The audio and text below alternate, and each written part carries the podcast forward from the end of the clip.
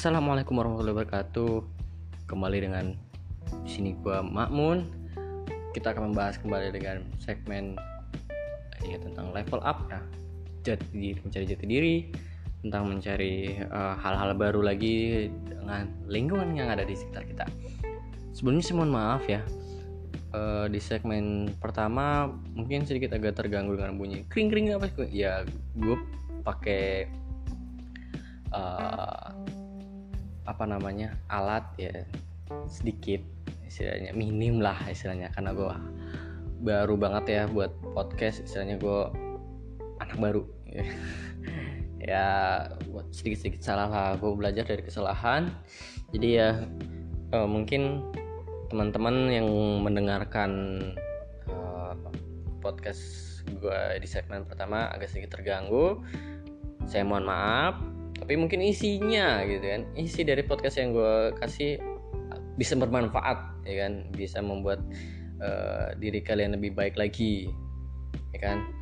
Uh, bisa ada hal-hal baru yang mesti dipelajarin buat kalian beradaptasi dengan lingkungan. Mungkin orang-orang yang baru uh, pindah dari suatu tempat ya kan? Atau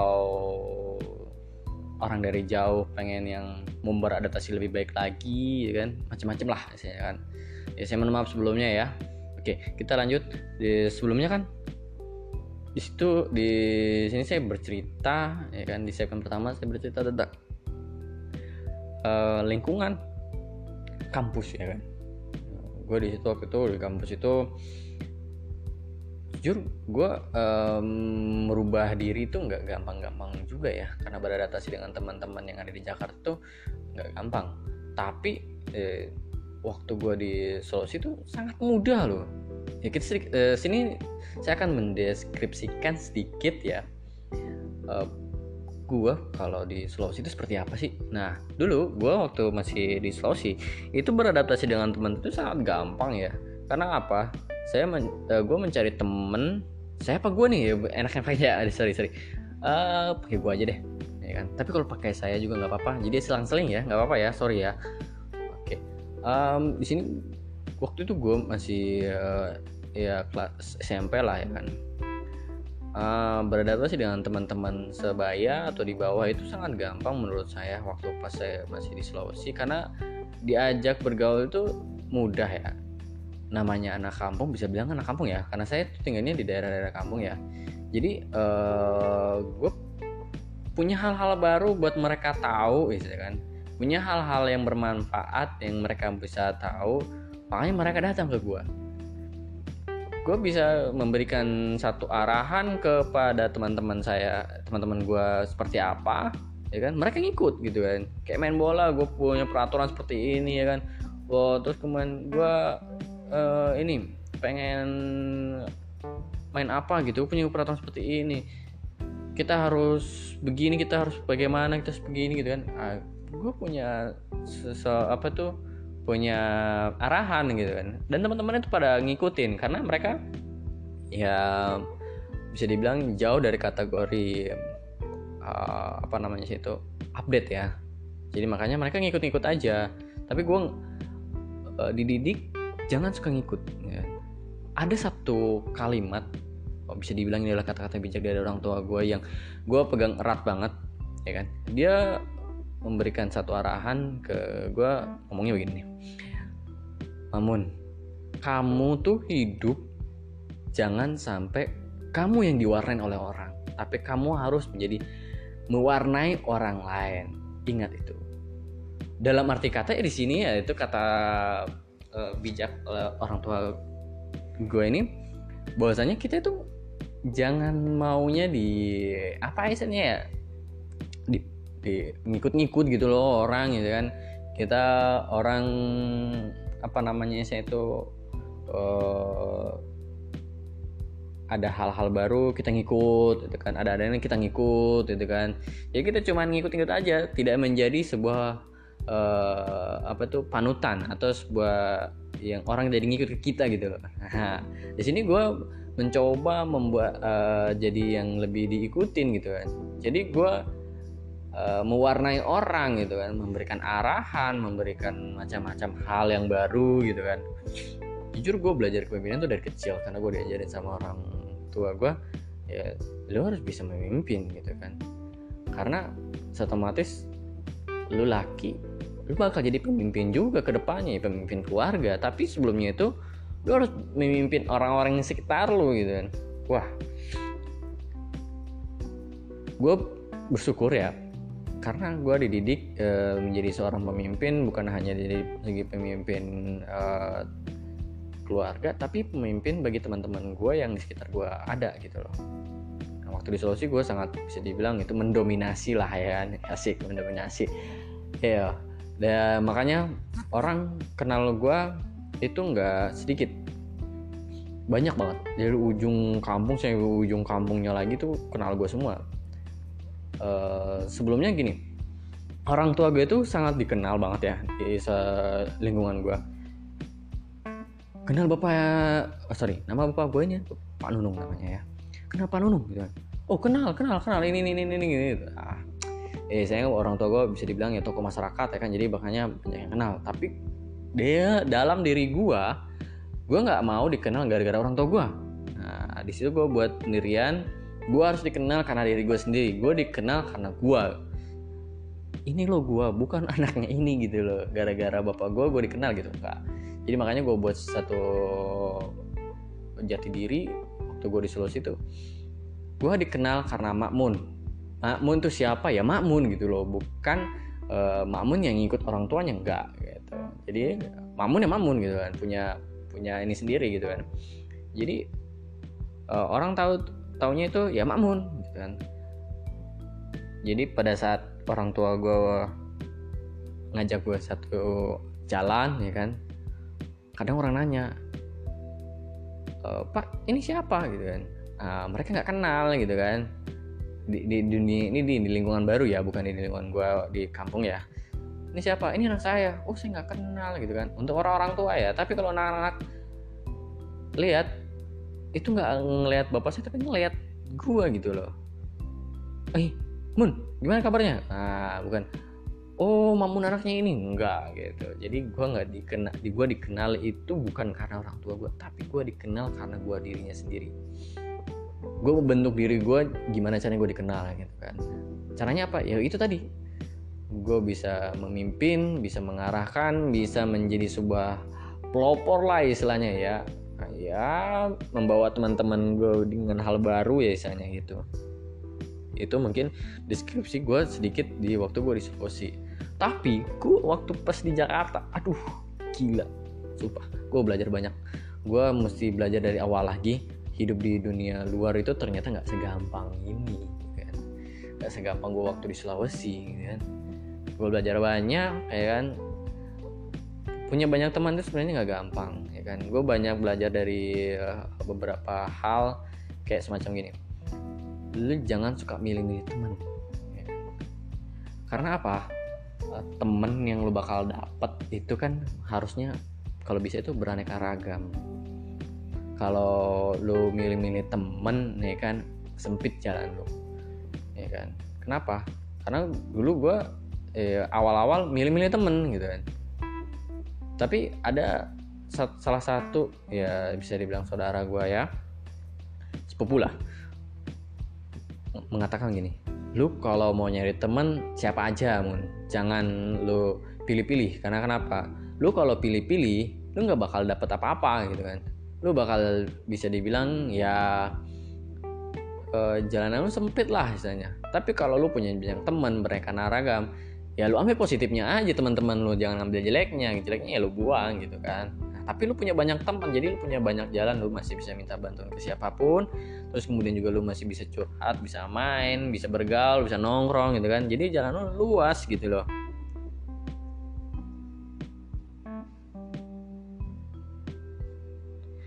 dari situ gue ya kalau gitu gue mencari teman. Gak usah pilih-pilih. Nanti gue harus bergaul ke siapa aja yang mau berteman sama gue gue layanin gitu gue ladenin gitu kan. Karena e, menurut gue itu adalah hal baru juga gue berteman dengan orang-orang yang bobrok berteman orang yang baik ya sekalipun ya kan. Itu gue temenin sampai orang e, pemabuk ya penjudi kemudian suka nyimeng ya sorry ya tapi gue punya teman seperti itu juga. Terus kemudian uh, bisa dibilang ya apa namanya itu playboy pokoknya macem-macem lah gue punya teman tuh banyak lah. Yang rusak yang baik ada gitu kan. Ya dari situ gue belajar ternyata dengan begini gue bisa dapat uh, banyak pelajaran karena gue berteman dengan banyak orang dengan banyak hal ya. Jadi gue bisa dapat ilmu juga asal kalian tahu ya kalau kalian berteman dengan pilih-pilih ilmu yang kalian dapat itu sedikit. Tapi kalau kalian berteman dengan nggak pilih-pilih lu berteman ke siapa aja lu kenal lu akrab tapi lu ambil positifnya itu lu bakal dapat banyak ilmu banyak dapat hal-hal baru yang bisa up level lu gitu bisa upgrade jati diri lu sendiri gitu dari hal yang nggak tahu jadi tahu dari hal lu yang bisa begini menjadi begitu kan. Nah itu buat diri lu sendiri yang mesti lu ubah gitu kan terlebih lagi kalau kalian mau mengejar cinta cinta dikejar loh bos. Oke cinta itu sebenarnya karakteristiknya banyak sih sebenarnya ya. Tapi kalau dari gue sendiri itu cinta itu kita kategorikan cinta kepada siapa nih? Kalau cinta kepada wanita mungkin dibilang cinta uh, apa namanya itu? Ada orang bilang cinta buta ada orang bilang cinta itu bego atau bodoh tapi bagi gue tuh cinta itu anugerah karena tanpa cinta nggak bakal hidup lu ya kan? Lu cintai diri lu sendiri cintai orang lain cinta cewek cinta kepada sang pencipta gitu kan? Itu anugerah. Kalau lu kagak memiliki cinta, kagak memiliki cinta lu gak bakal hidup ya kan? Gitu aja. Lu gak bakal bisa memperjuangkan diri lu sendiri. Cinta itu anugerah. Menurut gue ya hanya itu deskripsi gue cinta itu anugerah. Kalau cinta itu buta ya tergantung kalian mengkategorikannya ke mana gitu kan. Tapi menurut gue kalau bilang cinta itu buta lu nggak bakal milih orang yang uh, apa namanya sih itu um, itu sebagai cewek lu gitu kan. Itu sebagai pacar lu gitu kan. Kalau itu cinta buta ya hmm, berarti lu itu cinta itu punya mata. Karena apa? Ngelihat lu ngelihat cewek itu berarti lu suka gitu loh. Berarti kan nggak buta dong. Mungkin orang mendeskripsinya cinta itu buta karena ya lu bisa melakukan hal apa aja bisa mendapatkan dia itu sebenarnya salah. Itu cintanya jadi bego gitu, jadi bodoh ya kan? Kenapa? Lu bakal melupakan segala hal untuk melakukan segala sesuatunya untuk mendapatkan dia. Itu berarti kan lu melupakan hal-hal yang positif atau hal-hal yang baik dan lu melakukan hal-hal yang beda untuk mendapatkan dia. Sampai secara hal-hal yang salah lu lakukan buat dapetin si dia gitu si doi kan? Oke kita kesampingan itu. Mungkin ha, orang beberapa orang mungkin mempraktekkan hal itu tapi di sini gue mungkin mengarahkan kalian gimana sih caranya lo pakai hal, hal positif lah gitu kan jangan sampai hal-hal negatif lah gitu. Karena semua orang mencari jati diri atau mencari cinta atau memperbaiki hal diri itu ya kebanyakan ada yang mencari pakai jalan salah tapi ada juga mencari jalan yang baik. Tapi di sini gue memberikan hal yang baik. Ya bisa jadi segala sesuatunya itu uh, ada yang mungkin berpendapat jelek ada yang enggak ya itu terserah kalian yang mendengarkan. Oke. Okay. nah pada waktu gue kuliah itu kata saudara gue cari teman yang jangan milih-milih eh gue jangan milih-pilih gue semuanya temenan sampai yang bobrok sampai yang jelek sampai yang nggak bagus kalian gue temenin. Tapi gue ambil yang positifnya karena mereka punya pengalaman hidup masing-masing gitu loh ya kan? Sampai yang tua lo gue temenin ya kan? Nggak nggak gue pilih-pilih mau itu anak kecil mau itu apa gue temenin lah. Kenapa? Mau anak kecil itu kada kali aja itu anak kecil punya pengetahuan yang lu kagak tahu gitu kan? Nah itu dia. Makanya lu nggak boleh berhenti uh, dengan salah satu teman mau itu anak kecil mau itu orang gede gitu. Saya orang dewasa gitu. Lu jangan berhenti berteman. Cari teman. Ya kan? Karena kenapa? Gini loh. Contoh anak kecil nih udah punya ilmu baru ya kita ambil hal kecil main game ya kan. Lu mungkin kagak tahu itu game tapi anak kecil itu tahu itu game apa gitu kan. Bisa mainin lagi malah ya kan. Nah itu ilmu baru. Berarti mungkin lu mesti belajar main gamenya. Mungkin asik kali gamenya gitu kan. Jadi lu belajar dari anak kecil ya gitu kan. Tapi lu jangan malu. Karena berteman kepadanya kan kadang-kadang ada yang malu gitu kan. Tapi lu jangan malu berteman. Lu jangan malu berteman orang bobrok jangan malu berteman orang anak kecil gitu kan. Jangan malu berteman orang tua. Lu hanya berteman sama orang sebaya lu jangan lu harus berani. Karena kalau lu kagak berani bergaul berani mencoba untuk berteman dengan orang-orang yang baru ya lu nggak bakal bisa luas jalan lu gitu. Jujur gue waktu kuliah itu berteman dengan orang-orang baru itu sedikit sedikit bisa dibilang agak susah ya karena gue uh, apa namanya itu masih jati diri ya milih-milih. Bawaannya milih-milih. Nah pada saat itu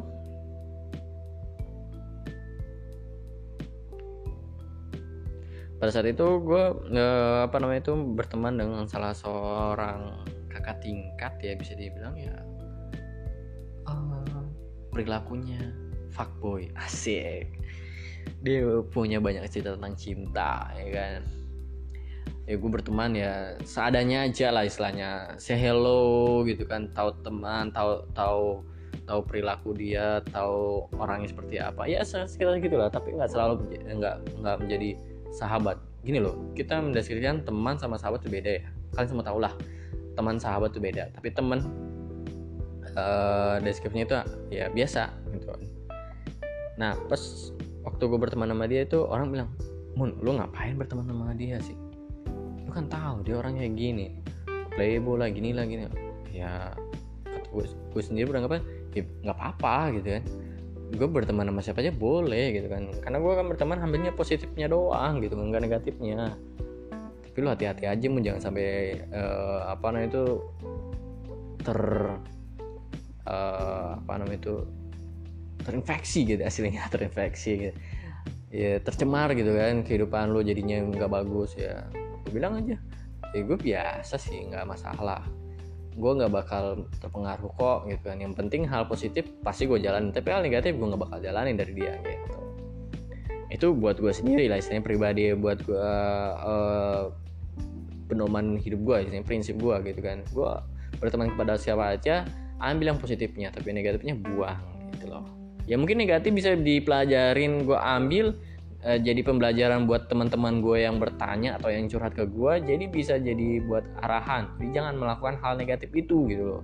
Karena dampaknya seperti ini seperti itu gitu.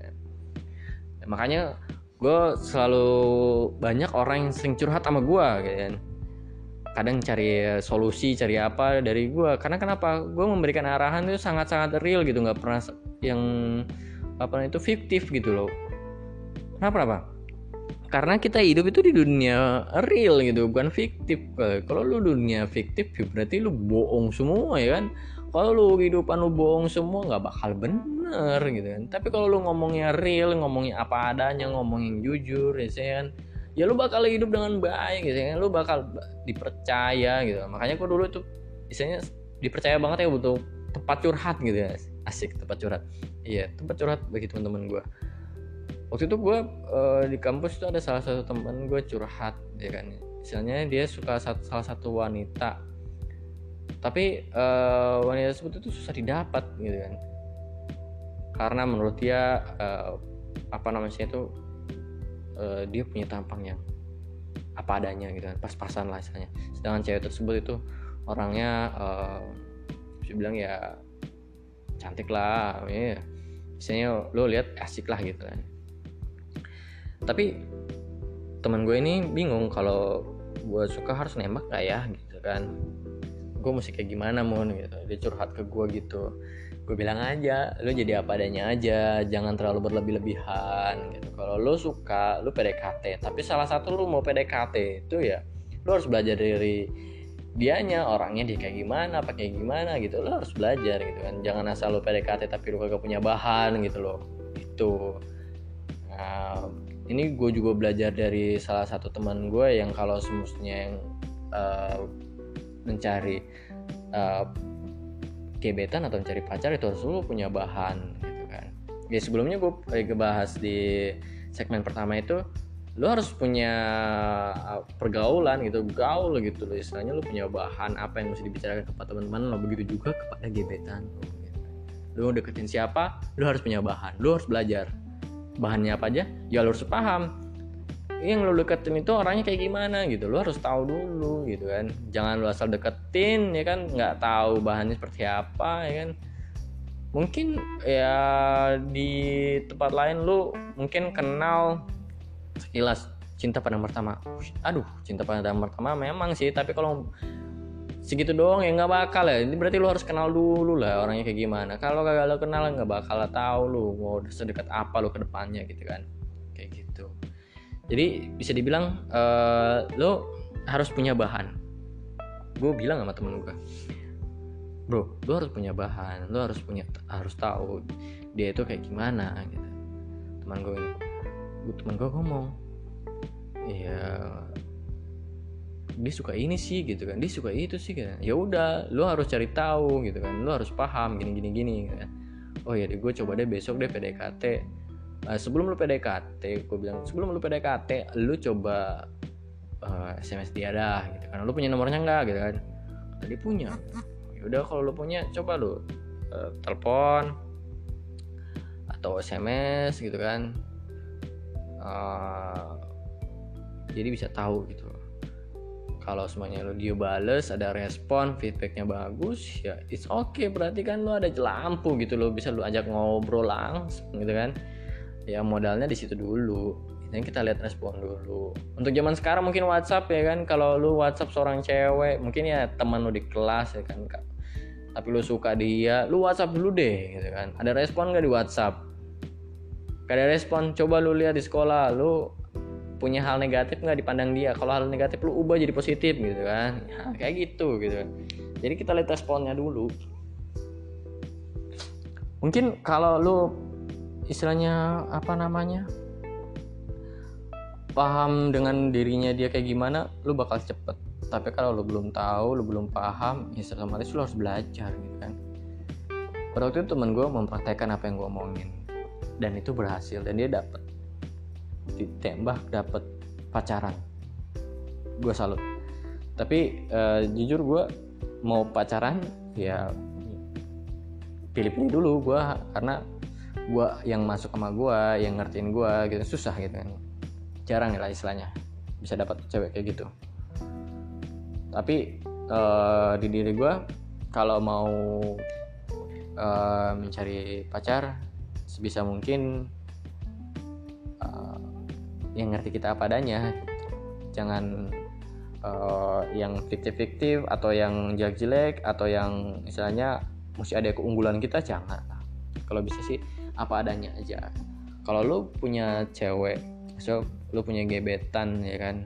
Lu deketin tapi dia maunya lu harus punya motor lu harus punya ini lu harus punya ini. Ya elah jadi cewek kok ribet amat ya sampai segitunya. Isinya kalau lu tahu apa dan seperti itu ya udah terima aja sih nggak usah neko-neko gitu loh. Nah itu yang penting gitu. Jangan sampai lu nyari pacar yang maunya itu hanya uh, pamor doang misalnya maunya enaknya doang mau diantar jemput doang mau dijadiin supir gitu kan atau jadi antar jemput ojek aduh. Kalau gue sih ya nggak mau gitu loh kalau nganter-nganter ya sebatasnya aja gitu kan. Kita punya kesibukan apalagi masih pacar. Kecuali lu suami eh, bersuami atau beristri gitu kan. Ya balik lagi ke elunya sendiri gitu loh mau seperti apa. Kadang ada orang yang bucin ya kan? Beda lagi kalau lo bucin bucin tingkat dewa. Wah itu lebih ekstrim lagi. Dia apa juga rela ya kan? Kalau diputusin nangis nangis ya kan? Nah itu bucin tingkat dewa. Tapi ya kalau kata gue sih kalau untuk cari gebetan pacar buat main doang ya kalian harus teliti lah istilahnya. Jangan sampai buang-buang duit karena gue pernah ngalamin juga buang-buang duit ya kan? Jangan sampai lu buang-buang waktu juga ya kan? Waktu lu berharga bos gitu kan. Akhirnya gue uh, bangga ya karena saran gue dipakai oleh teman gue dan teman gue berhasil ngikat si cewek ini ya gue gue berapresiasi bagus bagus bagus ya kan? Teman gue thank you ya gitu. Oke gue sama-sama bos gitu kan saling bantu gitu kan. Akhirnya uh, eh, gue belajar dari situ ternyata saran gue masih dipakai gitu kan. Ternyata gue punya hal-hal baru lagi. Gue belajar dari orang-orang yang uh, uji coba asik uji coba. Iya bener gue uji coba. Setiap orang gue uji coba karena gue belajar psikolog berarti gue harus ada percobaan dong pada siapa gitu. Penting loh karena kenapa? Kita belajar dari uji coba. Kalau gagal berarti coba lagi ya kan? Sampai berhasil gitu kan? Coba lagi tapi dengan hal baru bukan hal yang sama ya kan? Kalau lu melakukan hal yang sama berarti bego gitu kan? Salah aku lagi salah lagi lagi salah lagi ya kan? Ada benernya gitu kan? Tapi hal baru lagi gitu kan? Hal baru yang menurutnya bisa jadi benar gitu e, apa namanya istilahnya tuh? Waktu pas gua kuliah gue belajar banyak dari lingkungan. Itu ada salah satu teman gue sering ngajak touring ya kan? Waktu itu uh, pas apa namanya itu? Tengah semester ya bukan tengah semester sih. Udah akhir semester lah istilahnya. Jadi kalau akhir semester kan berarti setelahnya libur kan? Nah pas itu kita diajak touring. Di situ gue mengerti bahwasanya itu pentingnya rekreasi loh waduh hebat. Gue dari dulu tuh rek namanya gue waktu di Sulawesi itu ya namanya rekreasi sering aja ya. Bukan gitu. Uh, apa namanya itu? Tempat gue bisa dibilang itu area pantai. Jadi gue kalau rekreasi atau refreshing ya deh pantai aja kayak jauh jauh gitu kan. Karena daerah gue deket pantai. Nah gue kaget pas diajak touring. Touring ke mana gitu ya? Kata teman gue touring ke Curug Mun. Curug? Apa itu curug? Gua nggak tahu lah. Curug itu hal baru buat gua. Kalau air terjun gua tahu. Nah pas dia ngomong air terjun mun. Ah iya gua tahu tuh gitu udah mau jalan ke mana nih? Kita ke Bogor mun. Ke curug mana bos? Gitu kan uh, yang terkenal sih katanya curug Cigamea gua jalan dah curug Cigamea ya kan? Curug Cigamea ternyata rame bos. Waktu itu gue jalan itu berenam berenam sama teman-teman gue ternyata penting lo rekreasi. Buat refreshing tuh kalau eh apa namanya itu butuh apa namanya itu merefreshkan otak ya kan? Atau memberikan hal-hal baru menjernihkan pikiran lu harus refreshing. Bener. Kalau nggak refreshing lu butek ya kan? Iya. Di mana pun tuh lu harus refreshing. Hal-hal baru lah yang menurut lu itu menyenangkan diri lu sendiri. Refreshing bukan hanya lu ke tempat-tempat yang bagus tapi dengan lo main game dengan mencurahkan uh, isi hati lo kepada temen lo atau lo jalan nonton apa itu refreshing juga ya kan? Jadi refreshing kita refreshing itu buat diri lu sendiri buat diri kita itu nggak cuman hanya sebatas ke jalan-jalan gitu kan tapi ke tempat lain atau curhat pun juga bisa dikatakan refreshing. Intinya refreshing adalah merefreshkan otak misalnya menjernihkan otak gitu kan pikiran itu aja sih. Jadi kita nggak nggak terlalu banyak pikiran lagi guys kan gitu gue jalan-jalan ke Curug Cigamea di situ uh, eh, gue uh, apa namanya itu melihat wah seru loh. Ternyata air terjun bagus ya kan? Suasananya bagus wow alamnya bagus. Ternyata ini ternyata gunung gunung loh. Di Bogor itu jadi kita ngelilingin gunung gitu. kita muter-muter aja di gunung itu satu. Tapi ada beberapa air terjun. Hebat loh. Itu adalah ciptaan uh, sang pencipta gitu kan. Ciptaan Allah subhanahu wa taala.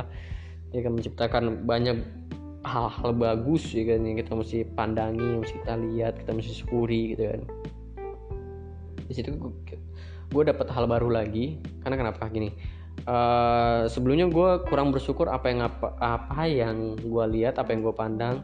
Pada saat gue refreshing gue bersyukur banget. Karena kenapa terciptanya air terjun yang sangat indah yang sangat uh, bagus gitu kan. Dilihat halayak ramai menjadi satu wisata menjadi suatu uh, pendapatan bagi orang-orang sekitar gitu kan. Oh ternyata uh, apa namanya sih itu kita patut bersyukur lah karena masih bisa sampai di sini masih bisa lihat masih bisa mandangin masih bisa uh, menjadi suatu uh, orang yang uh, ikut andil dalam hal uh, melihat gitu kan menikmati gitu.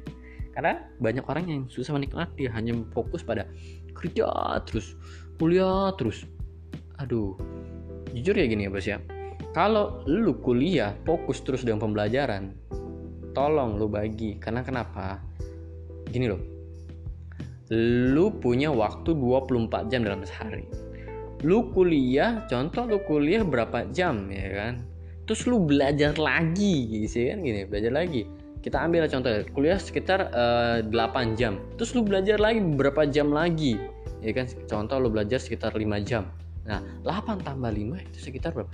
13 jam. 13 jam. 24 kurang 13 berapa jam? Uh, berapa ya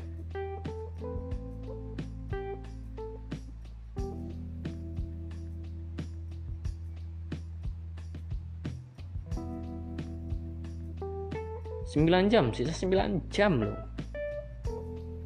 Eh 24 kurang 13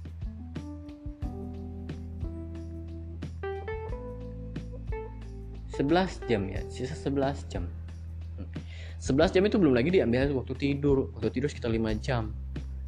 11 jam. Tinggal 6 jam. 6 jam. Lu mau ke mana bos? Gitu loh. 6 jam lu gunakan apa ya kan belum lu mandi belum lu yang lain belum yang lain itu dikurang lagi ya kan? Lu harus mikir kayak lu hidup itu bukan hanya belajar tapi lu hidup itu untuk yang lain gitu loh jangan memfokuskan bahwasanya tuh lo kalau lu belajar lu bakal hidup yang baik ke depannya. Salah lu belajar ala kadarnya aja jangan terlalu diporsir. Kita punya otak masing-masing bagus gitu loh tapi ada hal yang perlu lu uh, ingat nikmati waktu lu karena waktu nggak nggak nggak bisa diubah lagi nggak bisa diulang lagi gitu. Nikmati waktu lu gitu. Lu berumur 20 tahun 18 tahun ya kan istilahnya umur ya saya udah kuliah lah istilahnya. Lu gunakan waktu kuliah lu dengan baik terus kemudian waktu luangnya diikuti dengan yang baik lu lakukan hal-hal yang positif lakukan hal-hal yang bagus ya kan. Jangan lu cuman fokus belajar terus ya kan. Jujur apa yang lu dapat di kuliah belum tentu baik pada saat lu berada di lapangan kalau lu kerja serius. Jadi intinya lu belajar di kuliah itu ya jadikan sebuah pedoman lu bisa terapkan gitu loh. Bukan hanya lu hafal ya kan? Dulu gue pas masuk kuliah pertama-tama itu gue bilangnya oh, gue berarti harus belajar menghafal gitu kan. Tapi gue berpikir lagi gitu teman-teman gue itu jarang yang belajar misalnya jarang yang hafal. Mereka rata-rata itu menerapkan gitu loh. Kenapa? Ilmu yang tanpa diterapkan itu uh, gak bakal nempel.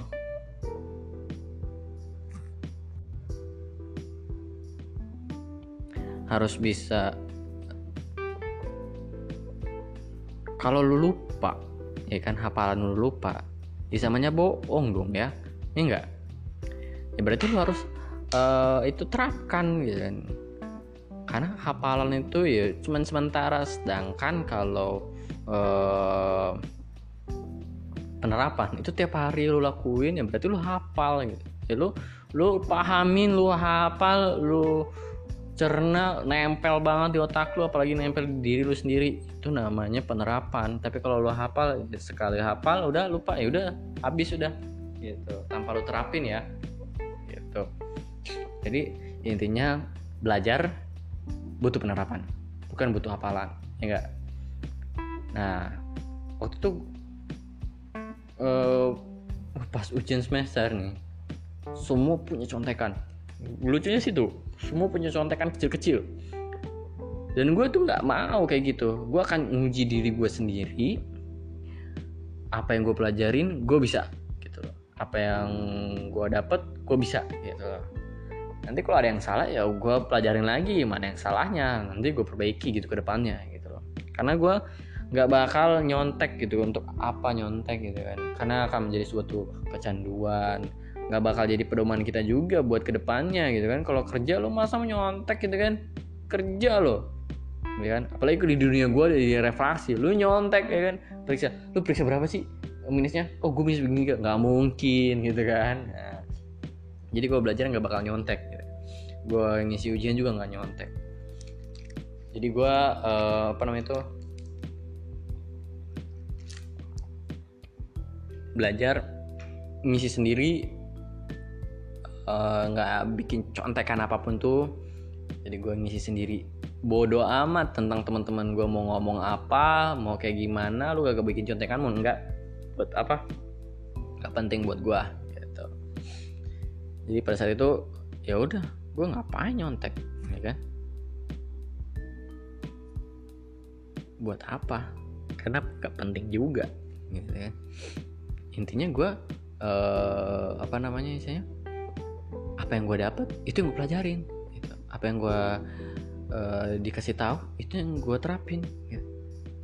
nanti dikasih ujian apa ya gue jawab apa adanya yang gue tahu gitu ngapain gue ngada-ngada ya kan gitu jadi untuk kalian yang kuliah yang mungkin belajar di sekolah ya nyontek yo saran gue sih janganlah gitu kan kalau mau lo jadi orang yang lebih baik ke depannya ya lu isi sebisa lu lah. Lu kalau udah belajar ya kan misalnya udah diajarin sama guru atau sama dosen lu udah paham ya udah lu terapin gitu kan. Lu jalanin maksudnya lu e, bisa ini nggak bisa diaplikasikan ke hal lain nggak gitu. Jadi biar lu cepet taunya cepat pahamnya gitu kan. Jadi kan pada saat lo ujian lo tahu gitu. Bukan jadi sekedar hafalan aja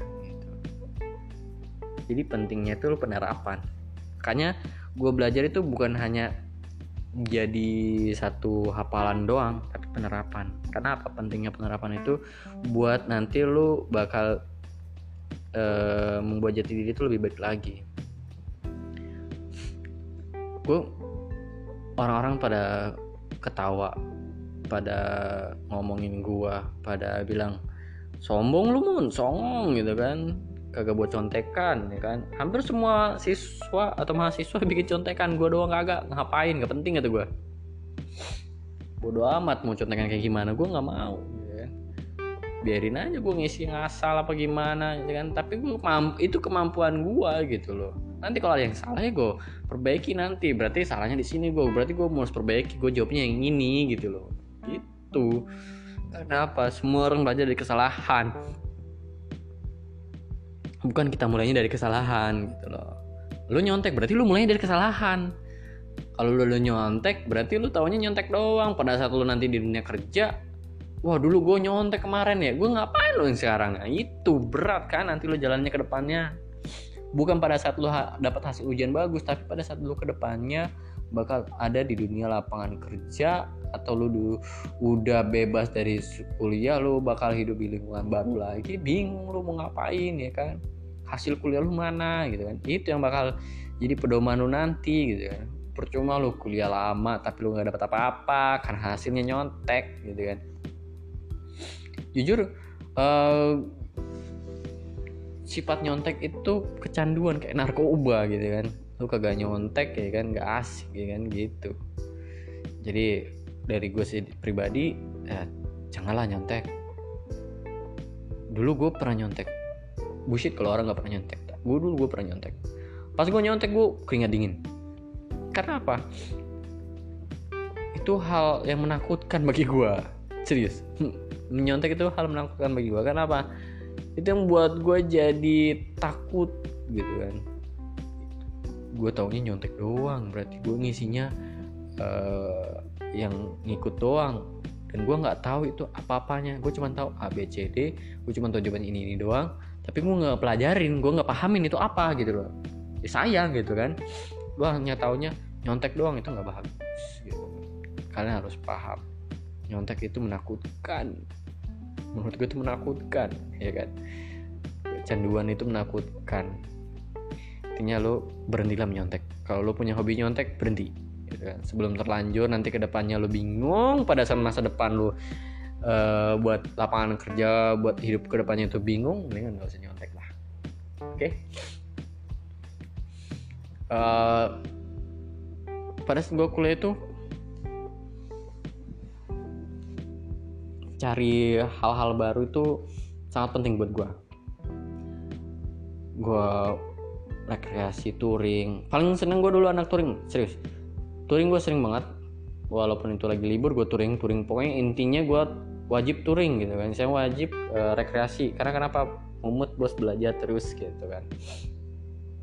Itu hal yang penting buat gue waktu pas kuliah. Dan uh, jujur teman-teman gue punya kisah-kisah cintanya masing-masing ya kan? Tapi gue belajar jangan-jangan sampai jadi yang kedua dah gitu kan. Gue punya temen uh, dia rela jadi yang kedua dia rela di dua aduh kata gue ngapain sih? Nggak penting amat. Kalau mau jadi yang pertama yang pertama lah gitu kan. Jangan yang kedua. Karena apa? Kalau jadi yang kedua itu ya otomatis ya kita di nomor dua kan lah gitu. Ngapain di nomor satu kan ya. buat apa gitu loh. Nggak nggak bakal uh, enak gitu kita rasainnya. Mana backstreet lah mana inilah. Jadi kalau lu cinta sama itu orang cinta sama itu seorang cewek ya kalau bisa lu tanyalah dia. Karena kita harus belak belakan harus jujur. Lu suka sama orang ungkapin. Karena lu nggak nggak ungkapin gak bakal dipendam terus nyesel lu gitu kan karena di prinsip gua lu punya apa namanya itu rasa sama seorang cewek mending lu ungkapin. Langsung gitu kan? Jangan langsung sembunyiin. Percuma gitu loh lu sembunyiin gak penting. Mendem terus mendem terus. Aduh ngapain? Gak penting. Mending lu ungkapin. Gitu. lu suka sama siapa ungkapin. Itu bakal jadi sebuah apa itu pembelajaran buat lu juga habis lu ungkapin diterima apa enggak ya bodoh amat gitu istilahnya. Mending lu udah ungkapin kita plong. Kalau diterima alhamdulillah bersyukur gitu. Tapi kalau nggak diterima ya udah. Berarti dia bukan bukan punya lu istilahnya bukan bukan uh, apa sih keberuntungan lu gitu. Ya udah biarin.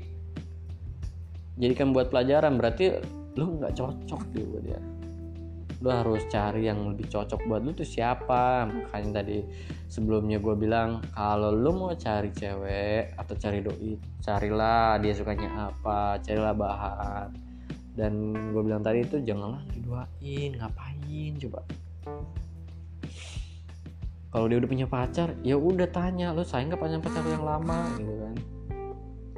Kalau sayang ya udah terusin. Gitu. kalau nggak sayang ngapain lu ngikut kita ngikut-ngikut dalam kehidupan cintanya mereka gitu kan? Nggak penting. Ya, nimbrung nyempil nyempil cerita orang ya kan? Dan nggak itu bisa dibilang ya menurut gue nggak ada gak ada untungnya loh ya kan? Mungkin kita dapat uh, apa istilahnya itu sebuah hal baru ya kan? Kok gue jadi pacarnya ini loh cantik tapi gue jadi duain. Pengalaman baru ya mungkin ya bagi orang yang ngalamin. Tapi menurut gue bakal jadi suatu masalah ke depannya. Karena kenapa teman gue begitu? Diduain jadi sebuah masalah sering bertengkar ya kan? Sering uh, saling berbeda pendapat, sering membanding-bandingkan. Jadi kan sebuah masalah terus sih, bukan pacaran, bukan bukan cinta namanya itu kan jadinya. Jadi bukan happy. Kalau lu cinta sama orang kan buat happy kan, gitu. Tapi kalau lu pacaran buat hal-hal yang uh, apa namanya itu main-main doang kan beda lagi cerita sih sebenarnya. Tapi kalau lu pacaran mau serius, ya, lu diduain karena bener-bener cinta sama itu orang sayang bos gitu ini lu lupain ya kayak gitu jadi ingat teman-teman kita kalau mencari suatu hal yang kita sukai ungkapin aja ya kan? Kita suka sama seseorang ungkapin aja. Kalau dia terima oke okay, oke okay. tapi kalau lu mau jadi yang kedua jangan deh bos. Jangan. Lu punya prinsip lah kalau bisa gitu kan? Jadi yang nomor satu. Masa nomor dua sih gitu kan? Uh, di situ lu harus paham gitu kan. Karena segala sesuatunya itu tidak selalu baik gitu pada akhirnya. Lu diduain atau lu men, uh, lu menjadi yang kedua gitu kan. Lu yang menjadi yang kedua awalnya enak. Akhirnya lu berantem bertengkar apa segala. Iya agak enak bos. Akhiri gitu Ning kita menjalankan salah apa namanya itu hal-hal yang positif aja lu suka sama orang ungkapin. Yang paham agama mungkin bakal nggak bakal pacaran ya tapi lu bakal taaruf. Itu bagus banget gue sangat salut. Gue punya beberapa temen orang yang begitu menjalankan taaruf. Itu hebat. Dia taruh berapa minggu saya perkenalan habis itu nikah. Wah itu mantap banget itu baru. Itu top marco top lah istilahnya gitu kan. Tapi kalau lu mulai dengan pacaran ya itu kan pribadi sendiri ya, ya. pacaran pacaran mau kayak gimana pun juga itu terserah kalian lah. Tapi menurut gua pacaran kalau bisa tahu batas lah gitu kan. Apalagi zaman sekarang ya nggak tahu batas kalau pacaran. Ya kita harus tahu batas tahu diri sendirilah gitu kan. Karena kan pacaran buat masa depan ya kan lu mau bawa ke mana mau kayak gimana. Memang nggak bakal jadi pengalaman lu mau jadi fuckboy mau jadi fuckgirl terserah lu dah gitu kan. Tapi intinya itu bakal jadi uh, apa namanya itu image lu sendiri gitu. Jadi ke depannya mau bagaimana gimana nyalurnya ya lu udah ada gambaran gitu kan. Orang-orang juga ada gambaran dulunya kayak gimana dulu kayak gimana jadi sebuah kejelekan sebuah aib gue 50-50 mendukung pacaran mendukung nggak mendukung juga enggak gitu kan. Tapi gimana ya? Kalau lu punya suka sama orang intinya sih ungkapin aja gitu. Oke okay, uh, eh, mungkin kita rangkum ya.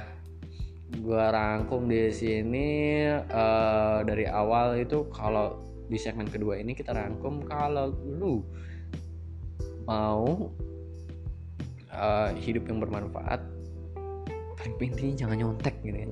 Gitu jangan nyontek. Terus kemudian lu jangan terlalu fokus belajar terus ya kan. Gunakan waktu 24 jam itu sehari 24 jam itu gunakan waktu yang bermanfaat. Jangan cukup hanya belajar ya terus. Lu punya dunia yang lain gitu lo harus jalanin gitu kan. Tuh terus kemudian dari hasil segala cinta lu jangan jadi nomor dua lah ya kan. Terus lu kalau pacaran atau kalau lu mau suka sama orang kalau bisa lu harus punya responnya bagaimana sih kepada seorang doi gitu kan seorang gebetan lu? Seorang yang lu suka. Kalau punya res dia respon lu bagus feedbacknya bagus lu terusin. Kalau enggak jangan diterusin bos. Udah sebagai teman aja intinya gitu gitu kan. Lu boleh PDKT tapi nggak ada respon sama sekali ya bo.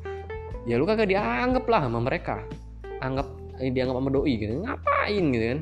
Lu terusin segala hal yang gak bermanfaat ya kan? Membuang waktu lu mengejar-ngejar yang gak jelas tatonya lu kagak dianggap. Ya ngapain gitu loh. Itu mungkin hal-hal yang uh, mesti lu pahamin. Eh jangan lupa satu lu harus refreshing gitu. Itu penting. Refreshing yang tadi gue jabarin tuh banyak hal. Curhat jalan-jalan sama temen touring nonton uh, terus kemudian ya apalah gitu kan. Intinya lu punya hal baru di waktu lu gitu kan. Gunakan waktu yang lu punya sebaik-baik mungkin. Jangan lu buang-buang hanya untuk hal-hal yang lu kejar tapi lu menyesal ke depannya gitu loh. Jangan lah. Kalau bisa lu gunain lah waktu lu. Semua waktu bermanfaat kalau dalam bahasa Arab al waktu waksoif bisa dibilang waktu adalah pedang. Waktu bisa membunuhmu. Kenapa? Lu nggak pergunakan waktu itu dapat membunuhmu. Karena waktu adalah pedang itu bisa membunuh. Ya kan kita nggak tahu kapan kita mati. Nggak tahu kita kapan kita bisa uh, mencapai cita-cita kita. Jadi pergunakanlah waktu sebaik-baik mungkin se adil-adilnya semaksimal mungkin. Jadi jangan sampai lu e, melakukan hal-hal yang membuang-buang energi lu dan itu belum tentu bermanfaat ke depannya gitu kan. Pacaran melupakan waktu apa segala sesuatunya janganlah. Pacaran ya berapa hari berapa ini tapi selebihnya gunakanlah buat waktu-waktu yang lebih bermanfaat buat ke depannya lu yang masih punya masa depan yang cerah yang belum nikah yang masih mencari jati diri belajarlah dari sekarang gitu kan. Mungkin penyampaian gue sekarang itu bermanfaat buat kalian buat kalian pelajarin buat kalian pahamin buat kalian uh, terapin juga ya. Jangan dihafal doang jangan didengerin doang ya kan. Tapi diterapin ya itu lebih bagus ya. Kan Nah, untuk saat ini segmen kedua berakhir di sekarang ini. Ya. Nanti segmen ketiga ada lagi. Ya, kita akan bahas lebih lanjut lagi tentang gimana sih nanti ke depannya gue ya kan. Gue di segmen kedua ini akan bahas ke depan ke depannya gimana kan. Tapi ke depannya kita menghadap ke depan itu bagaimana itu akan dibahas di segmen ketiga. Nah segmen sekarang cukup sampai di sini. Pamit assalamualaikum warahmatullahi wabarakatuh